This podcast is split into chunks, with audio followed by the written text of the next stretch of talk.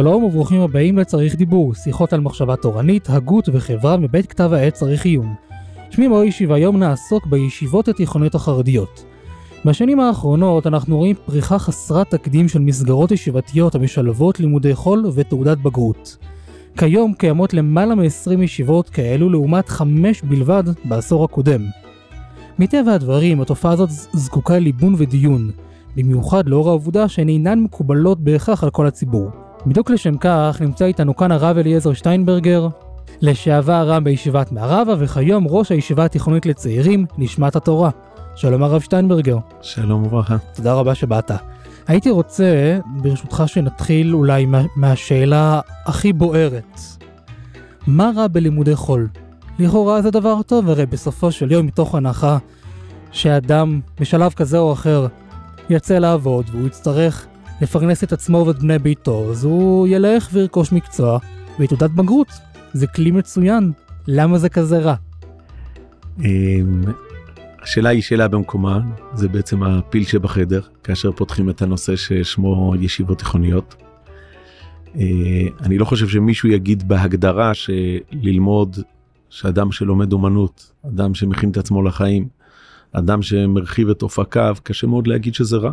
השולחן ערוך הרמו אומרים שבהלכות שבס אדם יכול ללמוד אה, חוכמות, אה, חוכמות מהסוג הזה, אז זה ודאי שזה לא רע. הייתה התנגדות וישנה עדיין התנגדות לכל המושג של לימודי חול בגלל שאלה הרבה יותר רחבה והיא החיבור בין העולם התורני העולם החרדי לבין המודרנה. והמודרנה בפירוש מאיימת על העולם שלנו על העולם של יראת שמיים עולם של אמונה ובסופו של דבר מפגש בין uh, לימודי חול לבין ישיבה זה מפגש בין עולם מודרני לבין עולם חרדי תורני וזה מפגש שהוא בכלל לא פשוט. אי אפשר ל- לראות אותו כדבר אה, מובן מאליו וחשוב מאוד אה, להיכנס לתוך המקום הזה עם בלמים ואיזונים נכונים וההתנגדות המסורתית ללימודי חול הייתה התנגדות לחיבור בין עולם אה, מודרני עם הערכים המודרניים והסכנות וה... המתירנות המודרנית לבין עולם תוכן של יראת שמיים, של אמונה. לצערנו המאתיים שנה האחרונות הוכיחו לנו שהמפגש הוא מפגש מאוד בעייתי ויש לו מחירים מאוד מאוד מורכבים. ולכן אה, הכי קל כמובן זה לברוח מהמפגש הזה. אבל הואיל ויש ציבורים שנמצאים בתוך המפגש הזה חשוב אה, להתייחס למפגש הזה בעיניים פקוחות כי חרדים צריך להסתכל על זה בחרדה ממש ככה. ולדעת איך למצוא את האיזון איך למצוא את השילוב אבל אני חושב שדווקא הפוך מי שנמצא בתוך העולם של החרדיות המודרנית יודע שבכלל בכלל המפגש הזה הוא לא לא מובן מאליו. לא מובן מאליו מעצם היותו או לא מובן מאליו בציבור שלנו? בשני התחומים גם בעצם היותו אנחנו רואים בציבור הדתי לאומי שחי את אידיאל השילוב והוא משלם על כך אה, מחירים. אה, כמות הנשירה, כמות הדתל"שים היא גבוהה. וכל זה נובע מהמפגש בין המתירנות של העולם המערבי לבין עולם של, אה, של יהדות ואמונה. וגם בעולם החרדי המודרני צריכים uh, להתייחס לנושא הזה בחרדת קודש, לבדוק, uh, כל הזמן לבדוק את עצמנו ולבדוק האם אנחנו באמת uh, מצליחים ל, לשמר את הדברים האיכותיים כל כך של החברה החרדית ויחד עם זאת לה, לה, לה, לה, לה, להעמיד רגל מהססת, בוחנת, אה, לפעמים גם יציבה בתוך העולם המודרני. אז בואו באמת אולי אה, נתחיל להיכנס לזה. מה חשוב לשמר? איזה דברים שאנחנו נכנסים לתוך העולם המודרני, ואנחנו, כמו שהרב אמר קודם, אנחנו מסתכלים בחשש כל הזמן לראות שאנחנו לא הולכים לאיבוד, השאלה היא איזה דברים אנחנו רוצים לשמר. היתרונות הגדולים של החברה החרדית בדור שמאחרי השואה ועד היום, זה העובדה שקם עולם תורה מפואר, עולם תורה של תלמידי חכמים עצומים, עולם של חסד מופלא, אה, דברים שלא היה להם אח ורע בהיסטוריה היהודית בהיקפים ובכמויות ובאיכויות. אה, בחלק הזה, אם מותר לי להגיד, יש לנו עליית הדורות. אה, אנחנו רואים דבר מאוד משמעותי, שהייתה, עולם התורה התפתח במקביל בשני מקומות. התפתח בארצות הברית והתפתח בארץ ישראל. וכל מרחב התפתח בכיוון שלו. ובארצות הברית כל הישיבות הגדולות, רוב המוחלט של ישיבות הגדולות, יש להם הייסקול, לחיים ברלין יש הייסקול, לטירה ודס יש הייסקול, לנר ישראל יש הייסקול. אה, כלומר, הם הבינו שהם צריכים בשביל להכין את הבן ישיבה האמריקאי לחיים, הם צריכים להכין אותו עם אה, תעודת בגרות. בעבר הייתה הפרדה מאוד מאוד מאוד גדולה בין העולם האמריקאי, עולם הישיבות האמריקאי לעולם הישיבות הארץ ישראלי.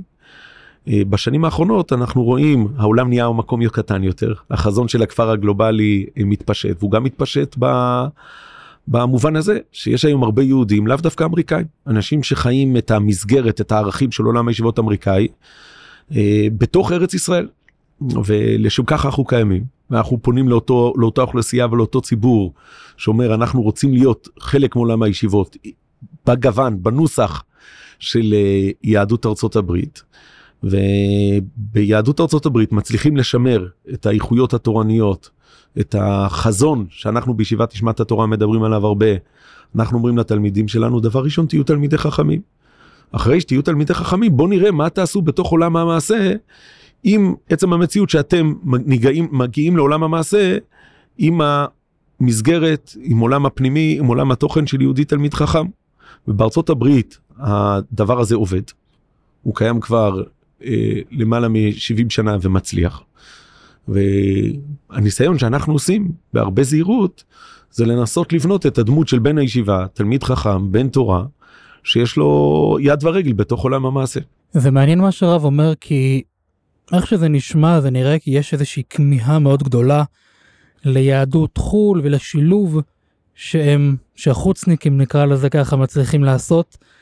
ואני מוכרח לומר גילוי נאות אני למדתי בישיבת היישוב החדש שהיא קיימת כבר כמעט 80 שנה והיא כן איזשהו מודל מסוים של לימוד תורה ברמה גבוהה ולימודי חול ברמה גבוהה. אז למה המודל הוא דווקא חו"ל ולא לחילופין המודל הארץ ישראלי הקיים שמשלב לימודי חול ולימודי קודש? אה, בארץ ישראל היו ישיבות תיכוניות. אה, הסטייפלר בקרייני דיגרטה ממליץ לבחור ישיבה ללכת ליישוב. אה, אבל לא קמה קהילה כזאת. כלומר בארצות הברית יש קהילות גדולות של יהודים בני תורה שמה שמכונה בעלי בתים. אני זוכר שפעם הייתי בארצות הברית ונכנסתי ביום ראשון לבסמדר של אה, ישיבת חיים ברלין בקוני איילנד אבניו בפלאטבוש. ונדהמתי לראות בסמדר שמלא בבעלי בתים לא בבחורי ישיבה. בעלי בתים שיש להם יום חופשי והם יושבים ולומדים מבוקר ועד ערב בישיבת אה, חיים ברלין. לצערנו אני לא יכול להגיד מתחילים להתפתח בארץ ישראל היום קהילות.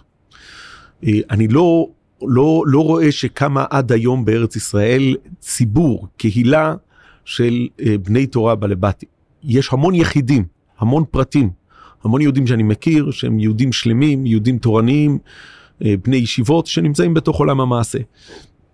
עד היום טרם קמה, מתחילים לאט לאט להתגבש קבוצות כאלה וקהילות כאלה, אבל עדיין אין ציבור, אה, אין לנו עדיין את אותו יום ראשון שאני רואה אה, ישיבות מלאות בבעלי בתים שמגיעים ללמוד. אני זוכר שלמדתי בישיבת חברון, אה, אברהם רביץ, חבר הכנסת המנוח, היה מגיע באלול ללמוד סדר א' בישיבה.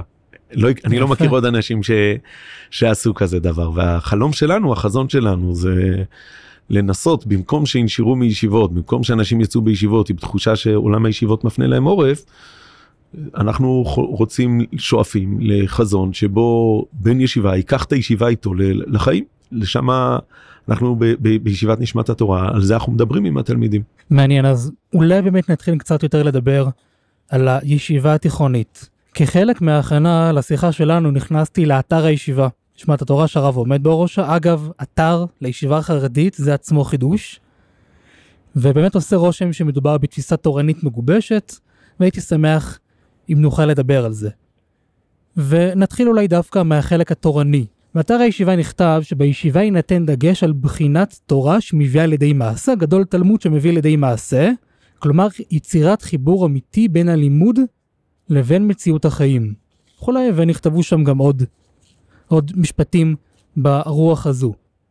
אני מבין מהדברים שצורת הלימוד בישיבה התיכונית היא שונה מצורת הלימוד בישיבה קטנה. אני אשמח אם תוכל להרחיב על צורת הלימוד הזו. צורת הלימוד זה מושג רחב. צורת הלימוד שאנחנו לומדים אה, בו בכמה קידושין, בו במציע, אנחנו לומדים בדיוק כמו בישיבות, והפוך. אנחנו רוצים אה, אה, שהתלמידים שלנו יהיו חלק ממסגרת של עולם הישיבות הגדול. ולכן אנחנו נלמד את אה, בו בכמה עם כל היסודות הישיבתיים הגדולים, עם הבריסקרוב הראשון בבו בכמה, עם הרייבדים הידועים של בו בכמה, עם הרמב"מים הידועים של בו בכמה. אנחנו רוצים שבחור אה, יגדל למדן וילמד אה, גמרא כמו, כמו בן ישיבה ובצורה למדנית במסורת של, אה, של הישיבות. החלק הייחודי בישיבה תיכונית זה המושג תורה שמחבר לחיים. שמעתי פעם הספד שהרב אברהם מוישה קירשנבוים, רם בישיבת נחלת הלוויים, הספיד את אביו, פרופסור קירשנבוים. הוא אמר לאבא שלו הבחנה מעניינת, הוא אומר שמי שהעולם שלו עולם קטן, והעולם שלו בגובה סנטימטר, גם הקדוש ברוך הוא שלו קטן. הוא אמר על אבא שלו, הוא אומר לאבא שלי היה עולם גדול ולכן גם הקדוש ברוך הוא שלו היה גדול. אנחנו ב-250 שנה האחרונות, מרוב רתיעה ופחד מהעולם המודרני, אנחנו נאלצים לראות את העולם כמקום קטן. אנחנו רואים את העולם כמרחב עוין וזה ככה. אנחנו מה שאנחנו מנסים לעשות אה, ניסיון זה לחנך תלמידים ולהגיד להם נכון יש המון מקומות בעולם שהם מרחב קטן שהוא מרחב עוין מרחב של הסתר פנים. מאידך יש בעולם חוכמה מופלאה ויש בה חלקים מאוד גדולים בעולם. ואם החלקים בעולם גדולים גם הקדוש ברוך הוא שלך גדול וגם התורה שלך היא תורה גדולה. לעומת זאת אם תורה מנותקת מהחיים בסוף היא נהפכת להיות לתורה מאוד uh, מצומצמת. ואנחנו רואים שחז"ל מדברים על גדול תלמוד שמביא לידי מעשה. Uh, חז"ל מדברים בסוף סוכה תורת חיים ואהבת חסד. אומרת, אומר, אומרים חז"ל מה זה תורת חסד? תורה שמתחברת עם המציאות, תורה שהאדם לוקח את התורה שלו ו- ונוגע בה במציאות.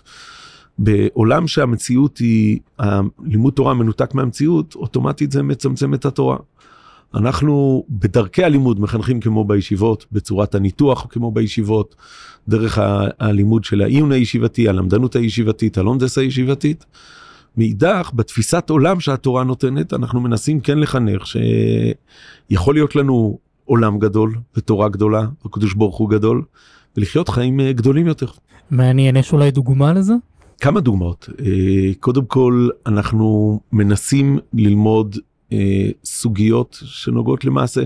אני מעדיף ללמוד, אה, אם יש בצוות הר"מים שאלה מה ללמוד, אנחנו מעדיפים שילמדו בו במציע ובו בקאמה ופחות גיטין. אולי יום אחד גם נלמד גיטין.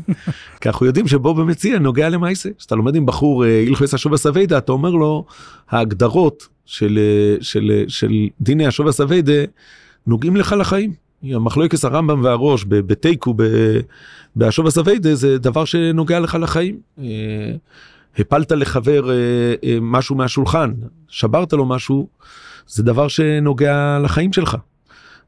וודאי שזה, יש בזה משמעות, לא תמיד אנחנו מצליחים. עכשיו אנחנו לומדים בישיבה סוכה, זה דבר שמאוד נוגע לחיים. יש לזה המון המון משמעות לחיים, וזה חשוב מאוד. אם חז"ל אמרו לנו גודל תלמוד שמביא לידי מייסה, פירושו שאנחנו צריכים אה, לבחון את הלימוד שלנו שהוא לימוד שנוגע לידי מייסה.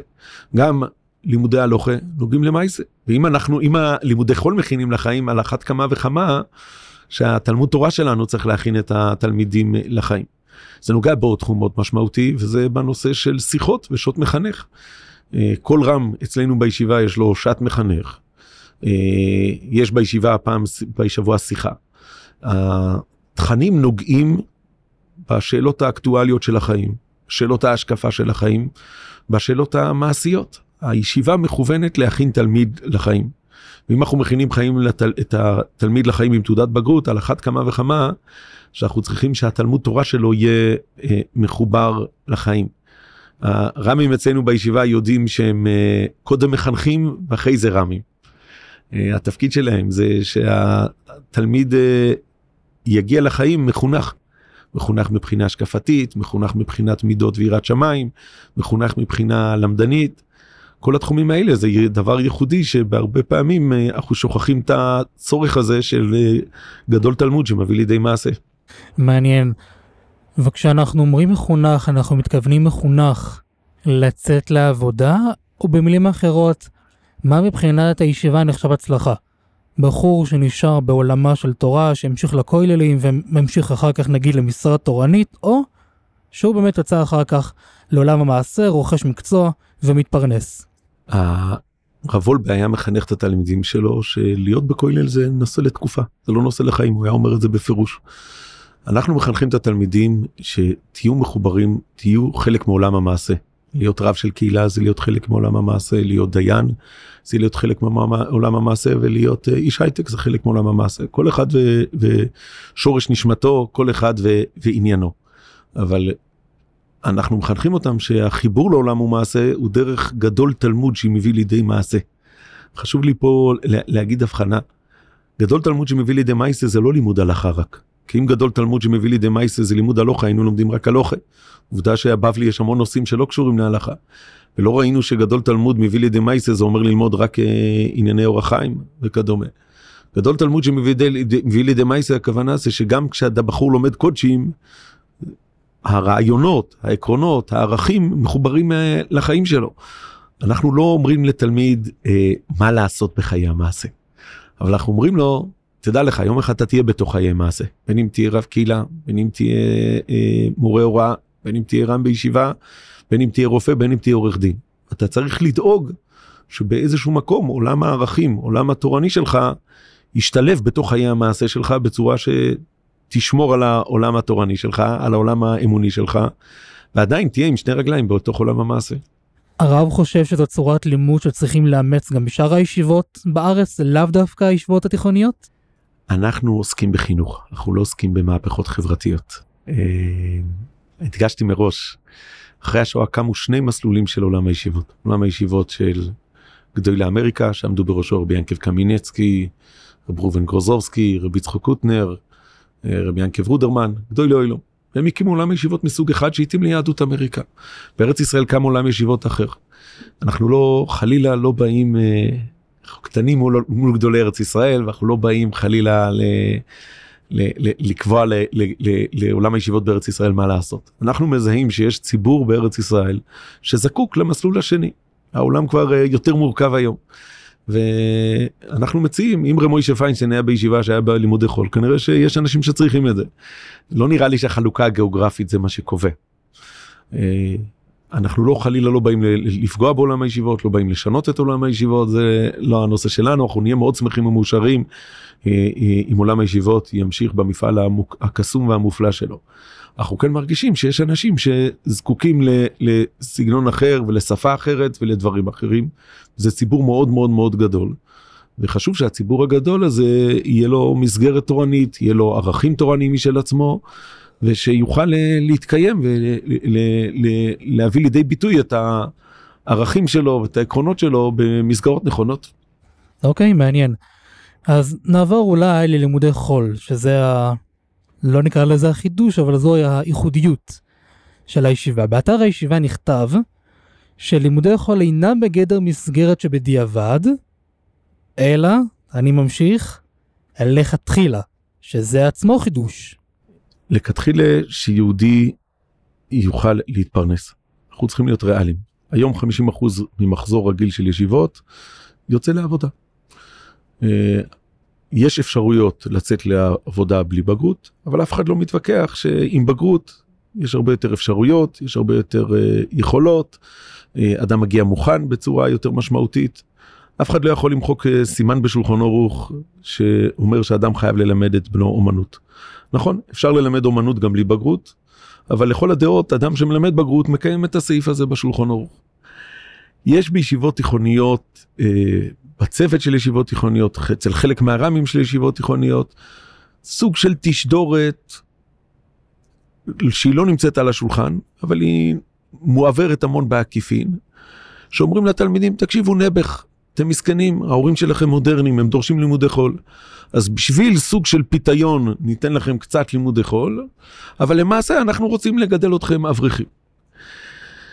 אני מאמין שבחינוך צריך להיות אמיתי, וצריך להיות כנה, וצריך לדבר עם תלמידים באמת. אמ, אם רוב מוחלט של בוגרי ישיבות התיכוניות יצאו לעולם המעשה, חשוב שיהיה להם בגרות. ואם חשוב שיהיה להם בגרות, חשוב שתהיה בגרות טובה, בגרות איכותית. ואם אדם יוצא לעולם המעשה ומכין אותו לכך, אז כשהוא לומד בגרות הוא מקיים מצווה, הוא מלמד את עצמו אומנות. ולכן אני אנחנו בישיבת נשמת התורה מאוד לא מאמינים בשפה הכפולה, בשפה הדו משמעית. שתבואו אלינו לישיבה תיכונית, ננסה לשרוף אתכם, אם לא נצליח, השם ישמור, אז אה, תצאו לעולם המעשה. אני לא חושב שזה בריא שבן אדם יעשה משהו שהוא נכון מבחינה הלכתית, נכון מבחינה ערכית, וייתנו לו תחושה שהוא עושה משהו בדיעבד. זה לא בדיעבד, זה לכתחילה. ממתנתרא עד לפני 70 שנה, ככה יהודים חיו.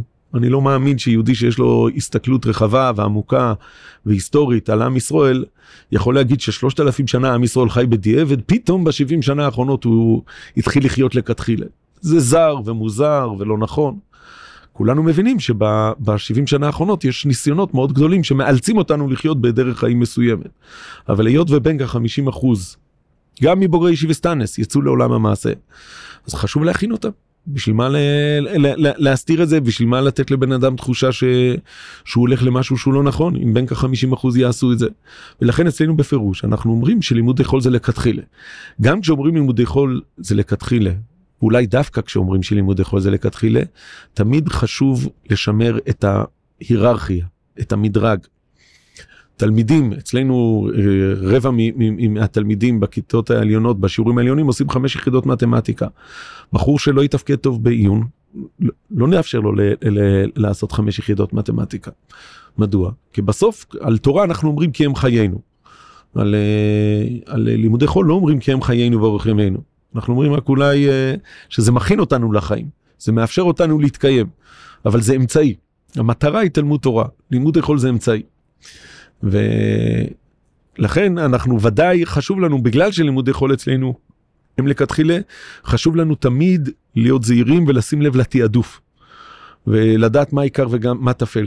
וגם אם תלמידים עכשיו ברוך השם תלמידים בשיעור ג' עומדים לסיים את תקופת הבגרויות הקשה והמורכבת. אה, לא היה יום שלא היה שיעור בעיון. אה, לא היה ימים של חופש בגלל הבגרויות. אמ, כי כל הזמן אנחנו אומרים להם אנחנו מבינים שקשה לכם אבל בסוף הדבר החשוב ביותר זה התלמוד תרא רק על תלמוד תרא אנחנו אומרים כי הם חיינו ואורך ימינו. תלמוד תרא נוגע לנצחי שלנו ולימודי חול נוגעים רק לחיי המייסה. ויש פה אתגר מאוד מאוד גדול כשאתה מחנך לכזה דבר שלדעת תמיד להיות זהיר ולשמר את המדרג הנכון את ההיררכיה הנכונה בין התחומים השונים. אז אם הלימודים הם לכתחילה, כלומר לא רק בתירוץ של פרנסה, האם יש כאן אולי ניסיון לבנות צורת בן תרא, אדם יהודי, שונה ממה שהורגלנו עד היום? אין שום רצון לשנות את המושג של בן תורה. אנחנו מסתכלים בעיניים פקוחות למציאות. אנחנו רואים שקרוב ל-50% מהציבור הדתי עובד. האם בישיבות מישהו מכין אותו לעובדה שחצי מחזור יצא לעבודה? האם מישהו מכין אותו איך להתנהג במקום עבודה? האם מישהו מכין אותו שהפרנסה שלו היא לא בדיעבד, זה הצורה שהקדוש ברוך הוא רוצה שהוא יחיה ויפרנס את עצמו? אני מסופק. ולכן הנושא הוא לא לשנות את המושג בן תורה, הנושא הוא איך מציג, מציגים לבן תורה אה, איך תשמור ותמשיך להיות בן תורה בתוך עולם המעשה. וחלילה, אף אחד לא רוצה לעשות אה, שינויים בעולם התורה. התפקיד שלנו איך לקחת את עולם התורה לתוך לאותם אנשים שיהיו בתוך עולם המעשה איך הם ישמרו את המסגרת של בן תורה שלהם. הייתי שמח בבקשה אולי לעוד כמה דוגמאות של איך בכל זאת כן מצליחים לשמר את העניין הזה של חרדי עובד השם עובד. כי מהניסיון שלי אני יודע שזה קצת אוקסימורון אין דבר כזה חרדי עובד עובד השם זאת אומרת זה קיים אבל לא מדברים עליו בעולם הישיבות לא מכינים לקראתו. ולכן כשהרב אומר שכן מכינים, זה, זה מסקרן אותי לשמוע מה אומרים. אנחנו מדברים הרבה בישיבה עם התלמידים שיבינו שהעולם המערבי הוא איום ואתגר וקושי על חיים של אה, בני תורה, על חיים רוחניים. אה, כולנו מבינים, אני לא מתבייש להגיד לתלמידים את הדוגמה הזאת, אה, כשיהודי שומר מצוות נוסע ברכב בנתיבי איילון. הוא מוקף בבנייני ענק ששובי עין, תופסים לו את העין. מאידך יש שם גם פרסומות שהוא לא יכול לראות. וזו דוגמה מאוד מאוד פשוטה לכמה העולם המערבי רחוק. עם המתירנות שלו רחוק. מעולם של ערכים ורוחניות. וכשלא מדברים על זה, אז uh, בן אדם נפגש עם זה וזה משבר וזה יכול לדרדר אותו. אנחנו מדברים הרבה עם התלמידים על הנושא של, זה מתחיל מדבר קטן, אתם משתמשים באינטרנט בבית, כמה הוא מפוקח, כמה הוא מאוזן, האם אפשר לקבל את העולם המערבי בלי פילטרים, בלי סינון? והתשובה היא חד משמעית לא, כל תלמיד יגיד לך שלא. ומראש אנחנו מדברים איתם על העובדה שיום אחד הם יעבדו במשרד, יום אחד הם יהיו במקום עבודה, והם עלולים להיות במקום שהם יהיו עם אנשים שהשפה שלהם היא לא שפה של יהודי שומר מצוות, עם נשים שמתלבשות בצורה שיהודי דתי קשה לו להיות עם זה. ואנחנו חושבים שזה מתחיל מגיל קטן קודם כל לפתח מודעות. אה, אם אדם נכנס לשדה מוקשים והוא יודע שהוא בשדה מוקשים הוא מתנהג בהתנהגות אחת. הדבר הכי גרוע זה שאדם נמצא בשדה מוקשים והוא לא מודע לזה שזה שדה מוקשים והוא מופתע פתאום שהוא בשדה מוקשים. והעולם המערבי בשבילנו מהווה עולם שיש בו הרבה חששות, הרבה אתגרים. ואנחנו מגיל מאוד קטן, אני מסוגל להגיד לבחור בשיעור א' בגיל 14, תדע לך יום אחד אתה עלול להיות במקום עבודה עם אנשים לא שומרי תורה ומצוות. האם ההתנהגות שלך תגרום להם להגיד וואו אה, זה מה שתורה עושה לבן אדם ואני רוצה להיות, ללמוד תורה, אני רוצה להיות בן תורה כי אני רואה מה תורה, איזה התנהגות היא עושה, או חלילה להפך. אה, האם המפגש שלך עם ציבור כזה זה מפגש שאתה תהיה מושפע או שאתה תהיה משפיע. ואני מרגיש שלצערי היום מתוך הרצון העמוק בישיבות לגדל אברכים, זה רצון ודאי נכון ומקודש, אנחנו לא שמים לב לעשרות האחוזים שלא יהיו אברכים. ולא כולם יצליחו להתפרנס בתוך הקהילה, הרבה יהיו צריכים לצאת מחוץ לקהילה. וכאן אנחנו חייבים להכין אותם uh, לדבר הזה, ובישיבה אצלנו אנחנו המון המון uh, מדברים על זה. ואני לא חושב ש... אני אומר את זה בזהירות, אני לא בטוח שגם בישיבות תיכוניות מספיק עוסקים בנושאים האלה ואומרים לבחורים איך העולם הפנימי, עולם התוכן של הבן תורה שלך, יהיה מוגן, יהיה שמור בתוך מרחב שהוא לא בהכרח כזה, איך תצליח אולי אפילו להשפיע על אחרים, איך תצליח לשמור על עצמך בתוך כאלה מקומות. כי אם אנחנו מדברים שבעולם הישיבות אה, כמעט חצי יצאו לעולם המעשה, בישיבות תיכוניות, אני יודע להגיד על הישיבות האיכותיות זה ודאי אה, אה, למעלה מ-70 אחוזים יצאו לעולם המעשה. וכאן השאלה הגדולה תהיה איך הם מגיעים מוכנים כי אם בחור עובר ישיבה תיכונית ומשם הוא הולך לישיבה גדלה ואף אחד אף פעם לא דיבר איתו על זה פירושו שהוא ניצב בפני האתגר הכי קשה שיש לו בחיים אתגר שילווה אותו הרבה שנים בלי שמישהו דיבר איתו על זה. ולכן אה, אנחנו עסוקים הרבה הרבה בשאלות האלה. ואנחנו מתחילים עם הניסיונות של הבחורים הצעירים. ניסיונות שנוגעים לשימוש במחשב שימושים בחשיפה למדיה איך שמה תסתדרו מול, מול העולם המערבי. ואם שמה תתמודדו אז בעזרת השם זה יעזור לכם להתמודד בצורת הבית שלכם במקום העבודה שלכם. ואיך איך, איך התורה ת, תשמר אתכם ואיך התורה תיתן לכם יכולת גם להשפיע על אחרים. שיהיה סדר עדיפויות שבסופו של דבר אדם יודע שהוא יהודי עובד השם וזה הדבר הכי חשוב. ומעבר לזה הכל נקרא, נקרא לזה הכל סובב סביב העניין הזה של עבודת השם. ואם זה לא מתאים ואם העניין הזה הוא לא חלק מעבודת השם והוא לא מתאים לי להגדרות הדתיות שקיבלתי על עצמי אז אני לא אז הוא לא קשור אליי. ודאי שברמה התיאורטית אומר דברי טעם. יהודי שחי במודעות של שיוויתי השם לנגדי תמיד כמו שהרמב"ם במורה נבוכים כותב והרמה מצטט אותו בתחילת השולחן ערוך. ודאי שזה נכון אנחנו אבל יודעים שבני אדם הם יותר מורכבים ולא מספיק רק שלבן אדם יש עקרונות הוא תמיד צריך להכין את עצמו ברמה המעשית איפה איך בפועל הדברים יעבדו. אם אה, רבי ישראל סלנטר בא וחידש שזה לא מספיק שאנחנו יודעים שיש עקרונות של מוסר אנחנו צריכים לייצר איזושהי תרגולת, לייצר איזושהי, איזשהו חשבון נפש, איזה תשומת לב, איזה מודעות. אה, אז היום צריך אה, לא מספיק לדבר רק על העקרונות, אלא לפתח מודעות, לפתח כלים של יחס נכון לעולם התורני שלנו, ואיפה הוא משתלב, ואיפה הוא נוגע בתוך אה, עולם המעשה, ואיך הוא שומר על עצמו בתוך המסגרת הזאת.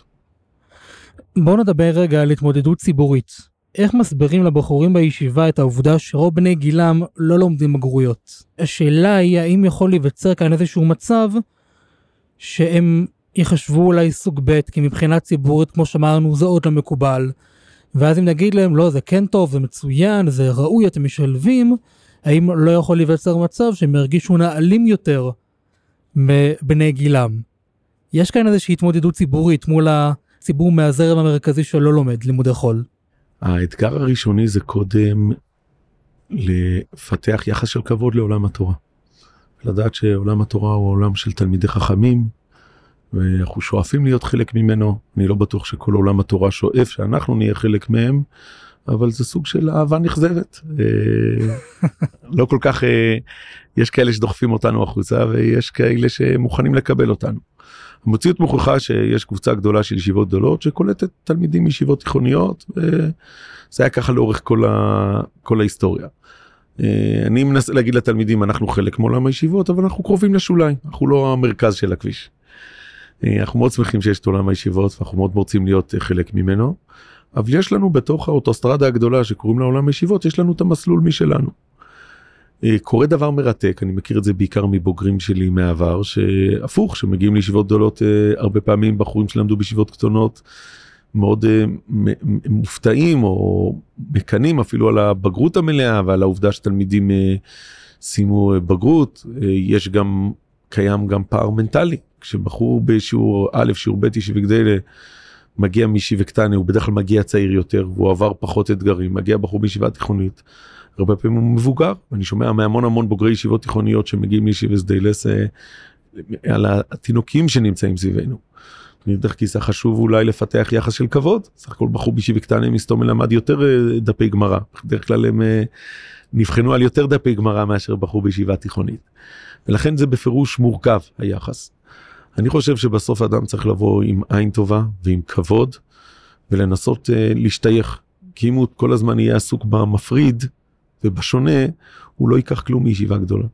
לעומת זאת אם הוא יגיד, נכון, יש לי, אני, יש לי איזושהי שונות, אבל יש לי עדיין רב המשותף על המפריד, הוא יוכל לקבל הרבה בישיבה גדלה ולצמוח ולהתפתח ולגדול תלמיד חכם. ואנחנו מאוד נשמח אם הוא יבחר להיות אברך ואנחנו מאוד נשמח אם הוא יבחר בחירות אחרות. אה, כל מה שהוא יבחר קדוש ייאמר לו. אמ, אבל אה, אני מסכים שיש פה המון מורכבות במפגש הזה מורכבות שהיא דו צדדית מורכבות בין חניך הישיבה מורכבות במפגש בין חניך ישיבה קטנה לחניך ישיבה תיכונית וכמובן גם להפך.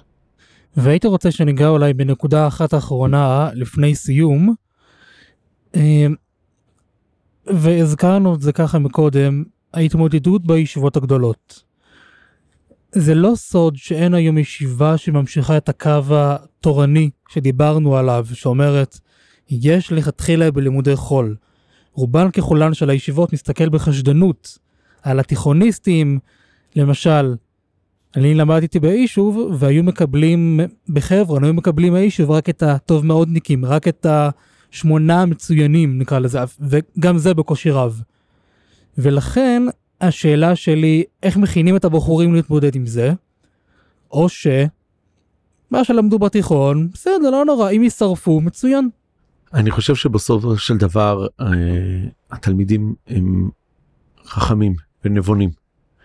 ובחלק גדול מהמקרים אם הם בנו לעצמם מסלול הם יישארו במסלול שלהם. אה, אם הם יחליטו שהם רוצים לחיות חיים חרדים אה, מלאים זה גם בסדר גמור. העובדה שישיבה צריכה לבדוק את עצמה וצריכה מדי פעם לשאול את עצמה איך נראים הבוגרים שלי וחשוב מדי פעם לפקוח את העיניים. אני לא רוצה חלילה לדבר על אף ישיבה ספציפית, אבל אם ישיבה הולכת ובודקת אחרי עשר שנים איך נראים, איך נראה שיעור הגיל שלה, והיא רואה שהרוב נמצאים בחיי המעשה, והיא חינכה שזה דבר לא נכון, אני חושב שיש פה פער שהוא מאוד קשה להבנה, מאוד קשה לקבל אותו. פירושו הוא שהתוכנית החינוכית של הישיבה לא מתאימה לתלמידים, אז שיחליטו שמקבלים תלמידים מסוג אחר. אה, הם יכולים להגיד, טוב, לפחות 30 אחוז הצלחנו, או 20 אחוז הצלחנו. אה, תוכנית חינוכית שלא מתאימה ל-80% היא תוכנית חינוכית לא טובה. תוכנית חינוכית צריכה באיזשהו מקום אה, להתאים לרוב התלמידים, כמובן למשוך למעלה כמה שאפשר, אבל uh, בהנחה שישיבה רוב הבוגרים שלה יוצאים לעולם המעשה והישיבה מחנכת uh, נגד זה, אז יש פה איזשהו פער, יש פה משהו לא עובד, משהו שלא, שלא נכון. ולכן זה חשוב מדי פעם לפתוח את העיניים ו- ולבדוק את עצמך. בסוף אנחנו כן אומרים לתלמידים שלנו תלכו כמה שנים טובות לישיבה גדולה תראו מהי תורה בטהרתה תבנו את העולם הרוחני שלכם תבנו את העולם החינוכי שלכם תפגשו תלמידי חכמים תראו יהודים גדולים. זה דברים ש... שייתנו לכם אה, אה, צידה לדרך לכל החיים. אין תחליף לישיבה גדולה, טובה ואיכותית, אין תפק... תחליף לחיכוך, למפגש שיש בין אה, ישיבה לבין תלמיד.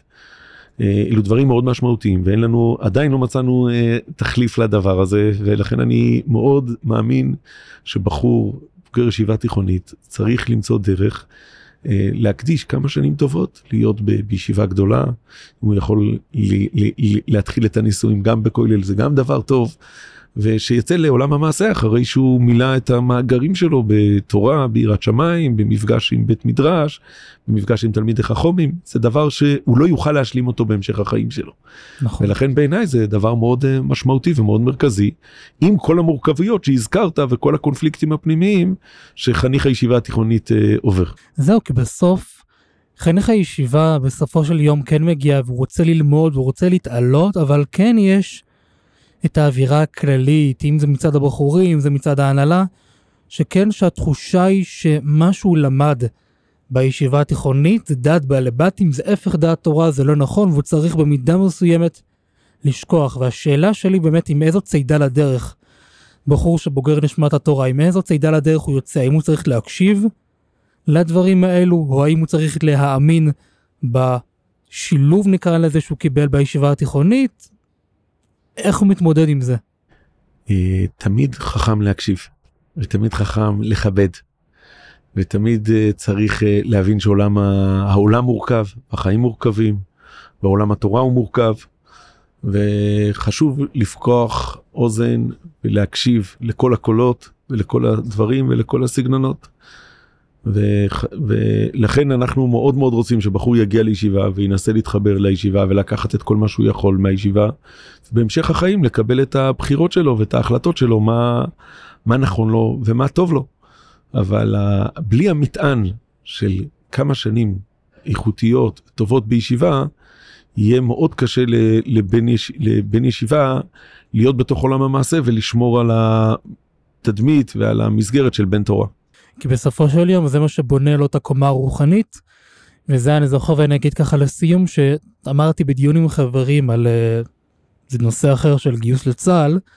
שאני חושב שגם אם בסופו של יום אדם יחליט שהוא רוצה להתגייס מסיבותיו שלו, השנים הללו בישיבה, שאדם יושב ולומד ומקדיש את כל כולו ללימוד תורה, לבניין האישיות הרוחנית שלו והתורנית שלו, זה דבר שאין לו תחליף, אולי אני אגיד פה, גם למי שבוגר ישיבה תיכונית, זה לא דומה. גם אם אדם קיבל מטען גדול ועצום בישיבה התיכונית, אני לא חושב שיש תחליף ללימוד 24 שעות בישיבה, שזה רק מה שנקרא שזה, שזה כור היתוך תורני. אה, נכון, אפילו ברמה הטכנית. אה, בחורים שבהולים לצאת לעולם המעשה, אני אומר להם, תקשיב, גם אם תתחיל את עולם המעשה בגיל 26, עדיין אתה תהיה בגיל הרגיל של מדינת ישראל, שסטודנט מתחיל את היוצא מלימודים, מצבא ושאר הדברים. אין תחליף לשנים של ישיבה, אי אפשר להשלים את זה אחרי זה. והשקיעות בלימוד של ישיבה, והדלת אמות של הלכה שישיבה גדולה נותנת.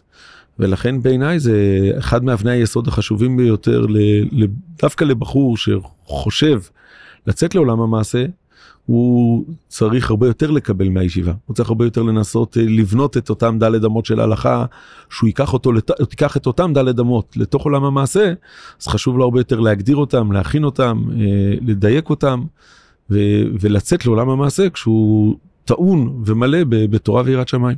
שזה אומר גם, אני אוסף אולי דעתי האישית, שזה אומר לא רק הגמרא, העיון, אלא גם הלכה, גם מחשבה, גם אמונה, גם תנ"ך. כן שאדם מכין לעצמו את הכלים צידה לדרך לקראת היציאה לעולם המעשה. אה, ממש כך, אבל בואו לא נשכח שבסופו של דבר החיבור הכי גדול שאפשר, שיהודי יכול להתחבר לקדוש ברוך הוא זה דרך לימוד תורה, לימוד תורה בעיון. אנחנו אומרים כל בוקר, אה, אשר קדישנו במצוותיו וציוונו לעסוק בדברי תורה, על עיסוק משמעותי. והערב נא השם אלוקינו. אנחנו פותחים לתפילת 18, אתה חונן האדם דעת ומלמד דודוש בינה, חוננו מאיתך, חוכמה, בינה ודעת, חוכמה, בינה והשכל. כלומר, אנחנו רואים מאוד ברור שהנושא הוא לימוד תורה בעיון, ולימוד תורה בעיון זה לדבר עם אלוקים. וזה עושים בישיבה גדולה, לא עושים את זה במקום אחר, ולזה מתרגלים בישיבה גדולה. ולכן זה, זה דבר שאין לו תחליף, וזה דבר חשוב מאוד ומאוד משמעותי. תודה רבה, תודה רבה לרב אליעזר שטיינברגר על השיחה המעניינת, עשה טעם של עוד. תודה רבה לך, תודה למאזינים. תודה רבה גם לרב ישוע פפר, לאליהו לוי וליוסי גרין על כל הליווי, העזרה וההכוונה. אחרונים חביבים, תודה רבה לכם, המאזינים והמאזינות. נשמח כמובן לשמוע מכם מה חשבתם, ואתם מוזמנים גם כן להמשיך להאזין לנו כמו גם לפרקים הקודמים בפלטפורמת הפודקאסטים האהובה עליכם. אני הייתי מוישי וניפגש בעזרת השם בפרקים הבאים.